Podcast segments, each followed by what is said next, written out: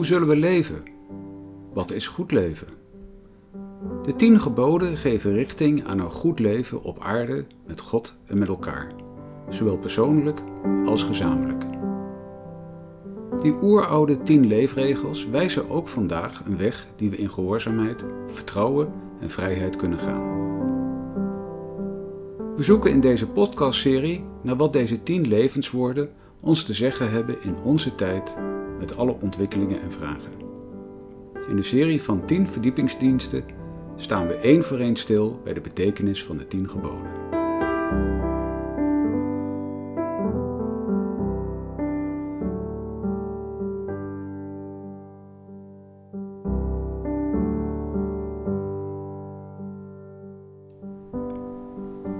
Dit is de eerste preek in de serie van 10.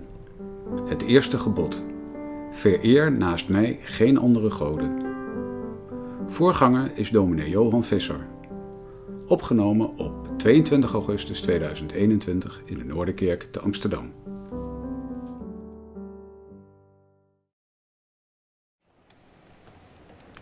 Vanavond luisteren we dus naar de betekenis van het eerste gebod. En ook een beetje de inleiding op, de, op de tien geboden. En daarom lezen we uit het boek Exodus, hoofdstuk 19, vers 1 tot en met 6.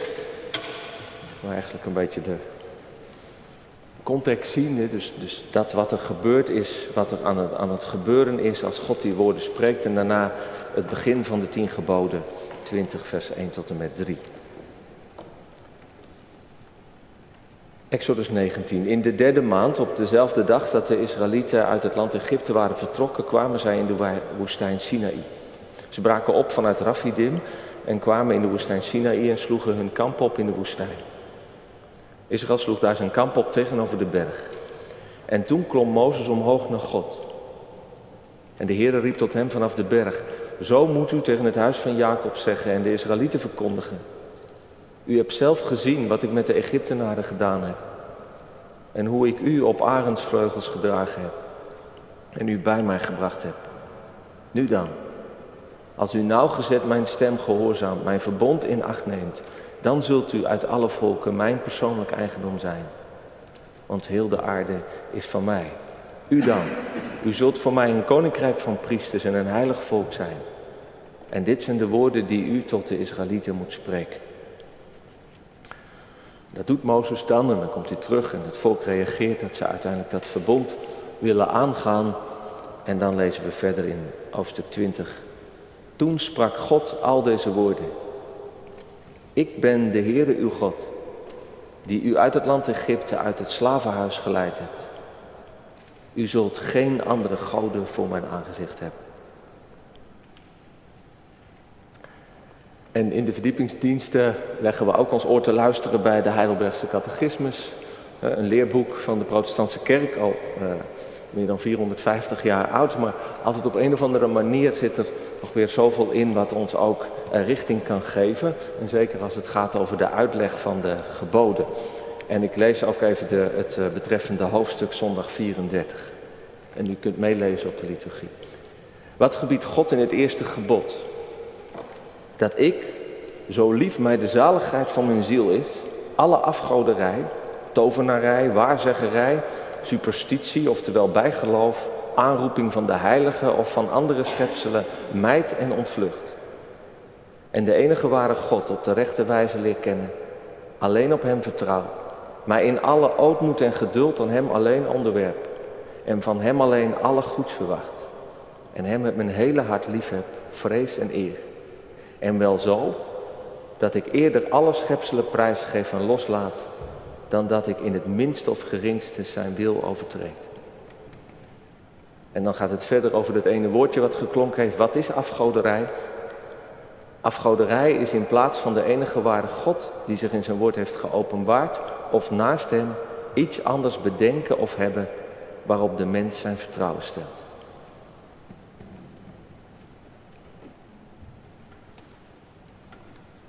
Van Jezus Christus.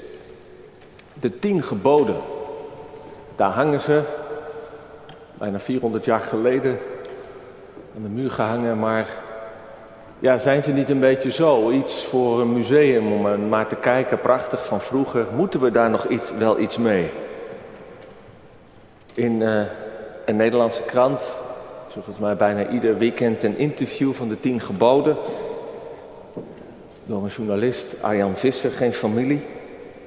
En ik las uh, een van de laatste interviews met boeddhisme-leraar Jan Geurts. Vroeger katholiek opgevoed, opgevoed. En hij zei, dat hele tien geboden gedoe, gooi het in de vuilnisbak. Het is de taal van de Taliban, van de, van de Ayatollahs. Ja, zo zag hij het. Het zijn regels die je worden opgelegd.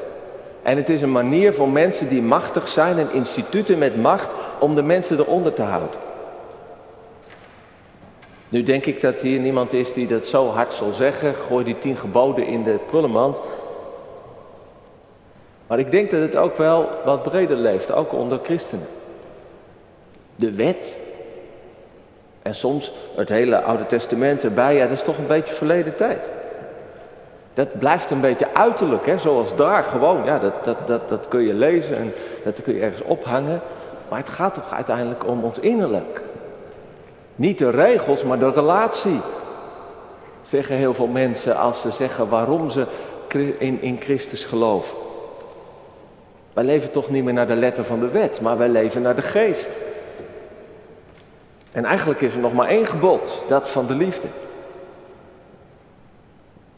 Ja, misschien zijn ze een noodzakelijk kwaad dat je nodig hebt in de wereld.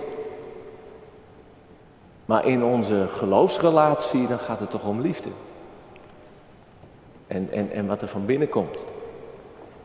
Nou, om drie redenen stel ik toch voor om de tien geboden niet bij het grof vuil te zetten. En, en om de komende, het komende uh, maanden dat ons, ons in te verdiepen. Als eerste reden is dat je als mens niet alleen vanuit je innerlijk of vanuit je gevoel leeft. Dat doet geen recht aan hoe wij in elkaar steken.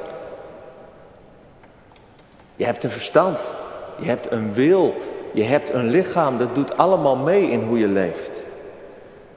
En, en daarom kun je ook niet zonder concrete regels en bepaalde praktijken. En ook niet zonder afspraken die je met elkaar maakt. Het is denk ik een hopeloze overschatting van jezelf. Ook van je gelovige zelf of, of van het door de Heilige Geest geleide hart. Dat je denkt dat dat nieuwe leven van God, dat God ons wil geven, dat het zomaar automatisch uit ons hart komt. En dat het niks te maken heeft met dingen die van buiten tegen ons gezegd worden. Dat is het eerste. Het tweede is, je leeft niet alleen. De tien geboden zijn gericht in de eerste plaats tot een volk, tot Israël. Een samenleving.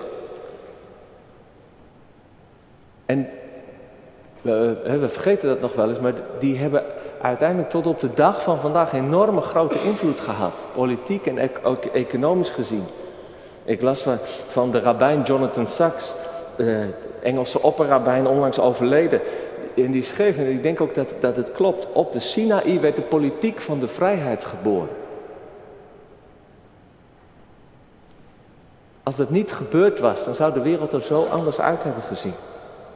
Nou, dat is iets van, de, van het grote, hè, van, van, van cultuur uh, en beschaving. Maar ik denk als je samenleeft, dan kun je niet zonder afspraken. Ik zeg het vaak op, op categorisatie, dat is een beetje het standaard voorbeeld. Hè. Waarom zijn al die regels? Ja, denk nu eens na dat je, dat je een sport hebt en je hebt geen regels. Dat je voetbalt of hockeyt. Ja, dan gaan, dan gaan uiteindelijk degene die, die, die de grootste mond hebben, of het sterk zijn of, of het slim zijn, die zullen altijd gaan winnen en het wordt een grote chaos. Vrijheid vraagt om grenzen. Aan macht, aan hebzucht en begeerte, om juist ook ruimte te geven aan elkaar. En niet in de laatste plaats aan degenen die, die, die zwak zijn en die anders onder de voet worden gelopen. En daar gaan de tien geboden voor een groot deel ook over. En de derde reden is, die geboden zijn niet zomaar wat regeltjes.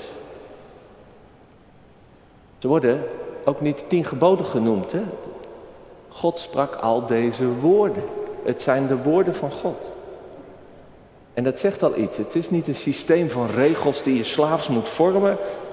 Alleen uiterlijk je daaraan houden. En dan God als de, de opper Ayatollah die allemaal zit bij te houden. Wie het fout doet en wie het wel goed doet. Het woord in het Oude Testament voor wet, Torah, dat betekent instructie. Er zit iets in van, van, van richting, richtingwijs. Je wordt geïnstrueerd, je wordt geleerd. Je hoeft je er niet zomaar blindelings aan te houden, maar het is, ze willen gevolgd worden, die geboden van God. In vrijheid en met overtuiging en met zin, omdat je snapt en begrijpt hè, wat het, waar ze over gaan. Het zit ook in het woordje gehoorzaam. Hè? Dat is ook een woordje waar we niet zo van houden, gehoorzaamheid. Maar het is eigenlijk best een mooi woord, er zit horen in. Dus je hoort het, dat betekent ook dat je het begrijpt. En dat je, dan ook, hè, dat je er dan ook iets mee doet. En natuurlijk is er een gevaar dat mensen de wet misbruiken of verkeerd gebruiken. Dat kom je in de Bijbel op allerlei plekken tegen. De profeten, Jezus en Paulus. En die botsten met mensen die de wet gebruikten ja, als een soort van, van, van, van, van, van een groot regeltjesysteem. En, en de belangrijkste dingen, de kern van de barmhartigheid en gerechtigheid voor anderen, die, die, die werden vergeten. Of mensen gebruikten de wet vooral om zich af te zonderen van, van, van anderen, van zondaren of de buitenstaanders. En natuurlijk, dat gebeurt nog steeds. In kerken, in andere religies waar geboden zal worden gebruikt. En dat zal denk ik de achtergrond zijn dat, dat, dat, dat die Jan Geurts er zoveel problemen mee heeft. Maar denk niet dat het alleen een probleem is van de Bijbel of van, van een kerk. Dat gebeurt overal. Denk aan die, die agressieve identiteitspolitiek die vandaag is. Hè, van, van mensen die zichzelf woke noemen. Die ontwaakt zijn en zien hoe het echt zit.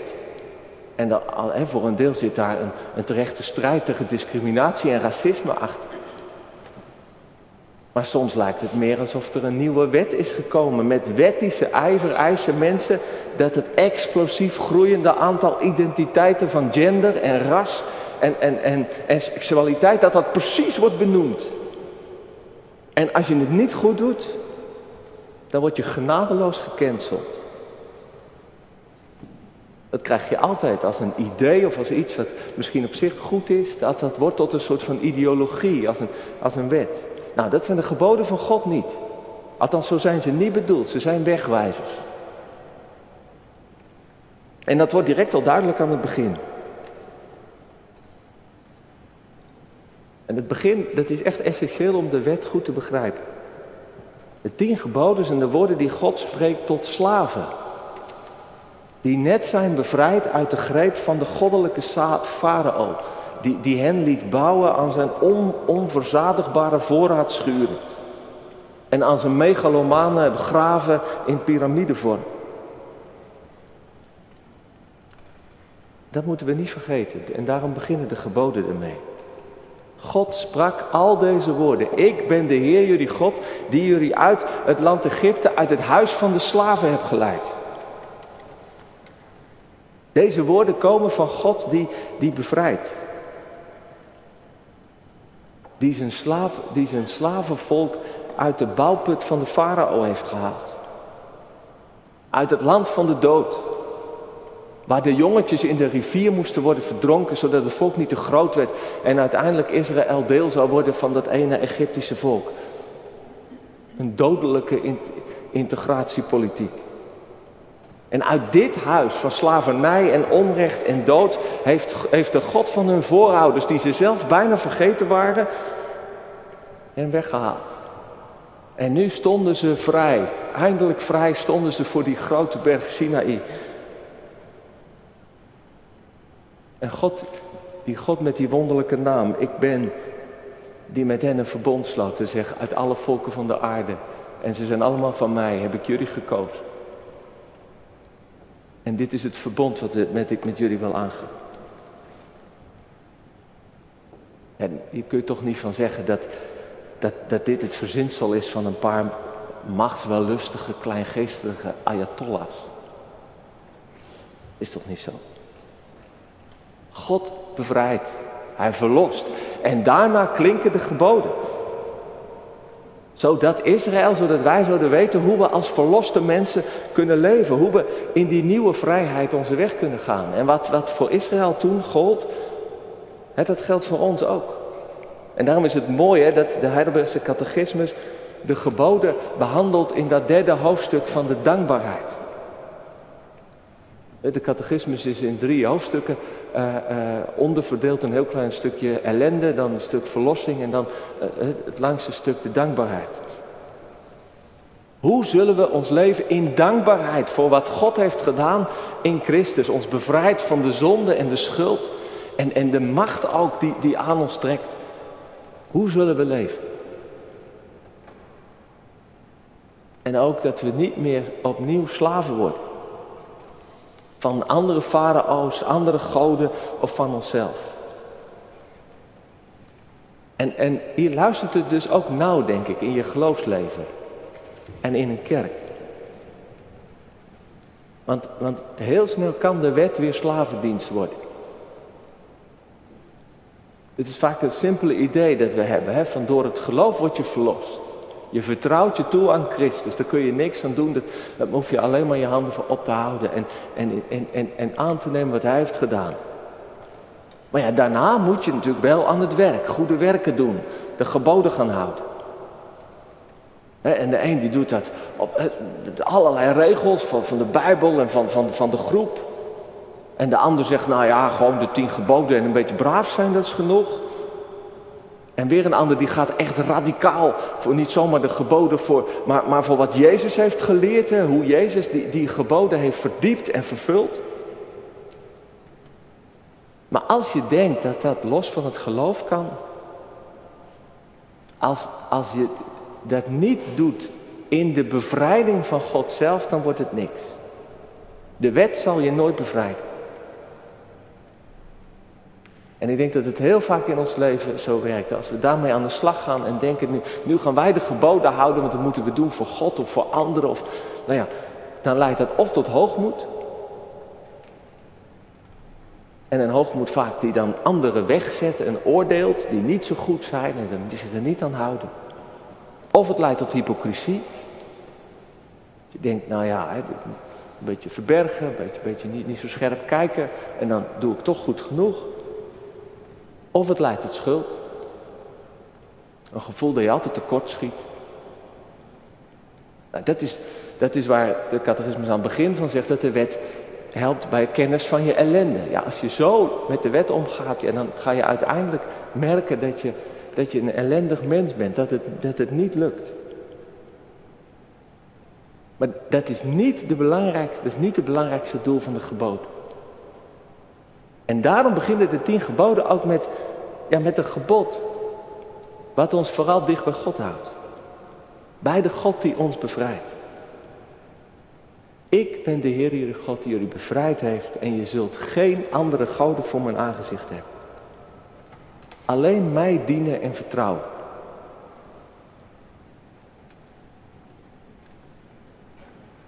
En dat alleen, dat klinkt een beetje streng. Hè? Kun je ook een beetje een vervelend gevoel bij krijgen. Zo van, is God dan zo'n zo'n jaloerse echtgenoot? Die echt niet kan hebben als, je nog aan een ander kijkt. Dat is God een beetje zoals die, die harde kernfans van, van voetbalclubs. Die absolute toewijding aan een club. En als dan een speler naar een andere gaat, nou, dan, dan zijn ze niet alleen boos, maar dan gaan ze zelfs eh, vreselijke dingen doen. Is, is God een beetje zo? Alleen ik en anders? Ik denk die strengheid, die, die wel bij het eerste gebod echt erbij hoort, dat die toewijding aan God alleen heeft ermee te maken dat er zoveel goden zijn. Wij leven heel vaak op de consumentenmanier en ook bij godsdienst denken we dat. Hè? Van, in het leven sta je eigenlijk een beetje altijd voor de supermarktschap. En je staat zo eens te kiezen wat, wat lekker is of wat je nu nodig hebt of wat past. Kijk, als je het zo ziet, ja, dan is het natuurlijk heel vervelend, want dan staat er, staat er één pak yoghurt en dat zegt alleen ik ben het. Ja, dan zeg je, ja, kom op, zeg, er is ook nog die yoghurt en, en die. Ja, als je zo naar geloven kijkt, dan, ja, dan, dan, dan, dan, dan klinkt dit inderdaad overdreven. Maar als het over geloof gaat, moet je volgens mij anders naar het leven kijken. Het zit veel meer op van ja, wij mensen, wij zoeken allemaal iets wat ons echte houvast geeft. Wat een soort de laatste grond is. En wat onze laatste liefde is in het leven, waar we voor gaan. En dat doen we niet zo van, nou, ik zal eens even kijken wat het is. Maar dat doen we in een wereld waarvan alles van binnen en van buiten aan ons trekt. En ons, ons, ons verleidt en, en, en, en, en, en, en onze verlangens probeert te, te, te raken. En midden in, in dat speelveld van de goden die er zijn en die aan ons trekken, zegt God, blijf nu alleen bij mij, geen andere dingen. En dat kan religieus zijn. Zoals de Heidelbergse catechismus dat in de eerste instantie uitlegt. dat ik afgoderij, tovenarij, waarzeggerij, superstitie of bijgeloof mijt en ontvlucht. En dat blijft denk ik altijd actueel. Niet naast God je ook bezighouden met allerlei spirituele krachten die er, die er zijn, of misschien zijn ze nep en worden ze als zodanig gepresenteerd. Want in de onzekerheid van ons leven zoeken we ja, bij, bij, bij, bij mensen of bij bepaalde krachten zoeken we vertrouwen, zekerheid. En rust voor onszelf of voor onze geliefden. Soms voor onze geliefden die, nog die al gestorven zijn. Dat is frappant dat in de coronatijd er zoveel mensen, vooral twintigers en dertigers, begreep ik, de toevlucht namen tot de horoscoop. En dan niet zomaar eventjes zoals je dat in, in, in, in, in, in een blaadje leest of zo, maar, maar echt serieus. Wat de sterren, hoe de sterren stonden en wat dat zou zeggen. En dan zoek je dus in bepaalde krachten die er zijn, of je ze nu geestelijk ziet of niet, zoek je een soort houvast. Of dat je als je ernstig ziek bent, als je laatste strohalm je toevlucht neemt tot mensen die zeggen dat ze bovennatuurlijke krachten bezitten, of misschien bezitten ze ook wel. Het is begrijpelijk, maar het is bijgeloof. Je gaat er nog iets bij geloven. En vooral is het ook een ander soort geloof. Het is een geloof wat uiteindelijk niet een soort basisrust vindt bij God, hoe het ook gaat. Het is een, geloof met veel onrust. Je bent afhankelijk van mediums, van rituelen, van vreemde krachten soms. En je komt in een andere wereld dan de wereld van God die bevrijdt. En die je de weg van het leven wijst. En trouwens, je kunt natuurlijk ook God op een bijgelovige manier dienen en gebruiken. Daar komen we denk ik in de loop van de geboden ook nog wel, wel op terug. Dus dat is, dat is het eerste van het afgoderij. Geen andere goden. Je niet inlaten met andere geestelijke, spirituele krachten. En ik ben blij dat de catechisme nog wel een stapje dieper gaat bij die uitleg wat afgoderij is.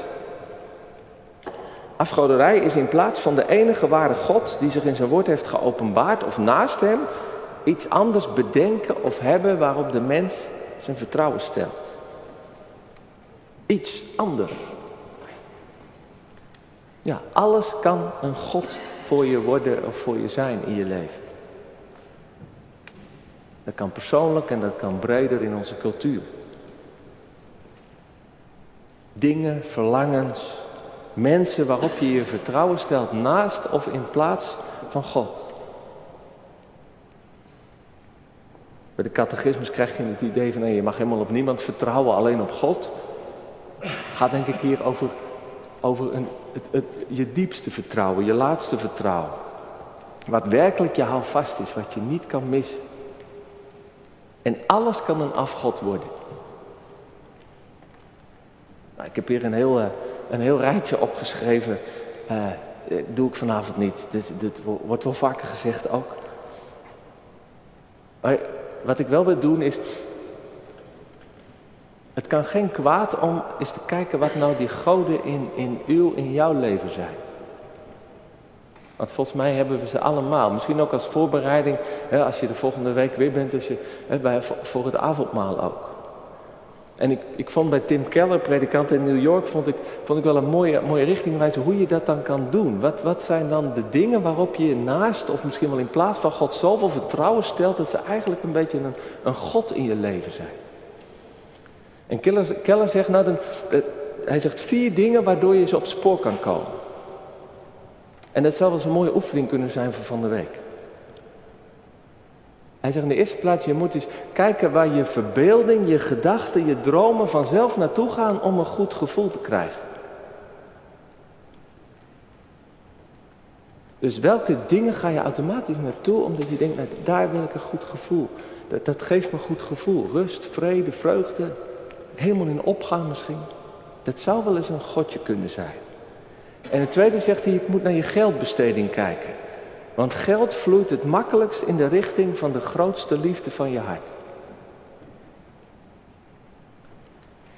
En het derde is, en dat zegt hij met name tegen mensen, hè, gelovige mensen, hij zegt, ja wat zijn nou de dingen waar je echt heel erg naar verlangt en waar je zo ontzettend om bidt? En waar je teleurgesteld van raakt als je het niet krijgt. Of waarvan je weet, als ik het niet krijg, dan, dan kan dat wel eens een enorme crisis geven. En het vierde is dat hij zegt is, kijk naar je meest onbeheersbare emoties. Dat je opeens in paniek raakt. Of er een soort schuld zit die opeens naar boven kan komen. Of een diepe wanhoop die, die, die ergens onder je zit. Kijk, kijk daar eens naar. Die dingen die, die je niet kunt beheersen. Hij zegt het is een beetje als een plant die je uit de grond trekt en aan de wortels zou nog wel eens een afgodje kunnen hangen omdat het datgene is wat je, wat je niet kunt missen, wat je een soort houvast geeft en je raakt in, in paniek of, of als, als je denkt dat je het kwijtgaat. Nou, waarom, waarom is het nu belangrijk? Eh, waarom is dit nu het eerste gebod? Geen andere God. Nou, het eerste, denk ik, het probleem met afgoderij is dat het die op zich noodzakelijke en vaak ook mooie en goede dingen van het leven, dat die je tot slaaf maken. Je wordt er een slaaf van. En je raakt je vrijheid kwijt. En ze geven uiteindelijk niet wat ze beloven.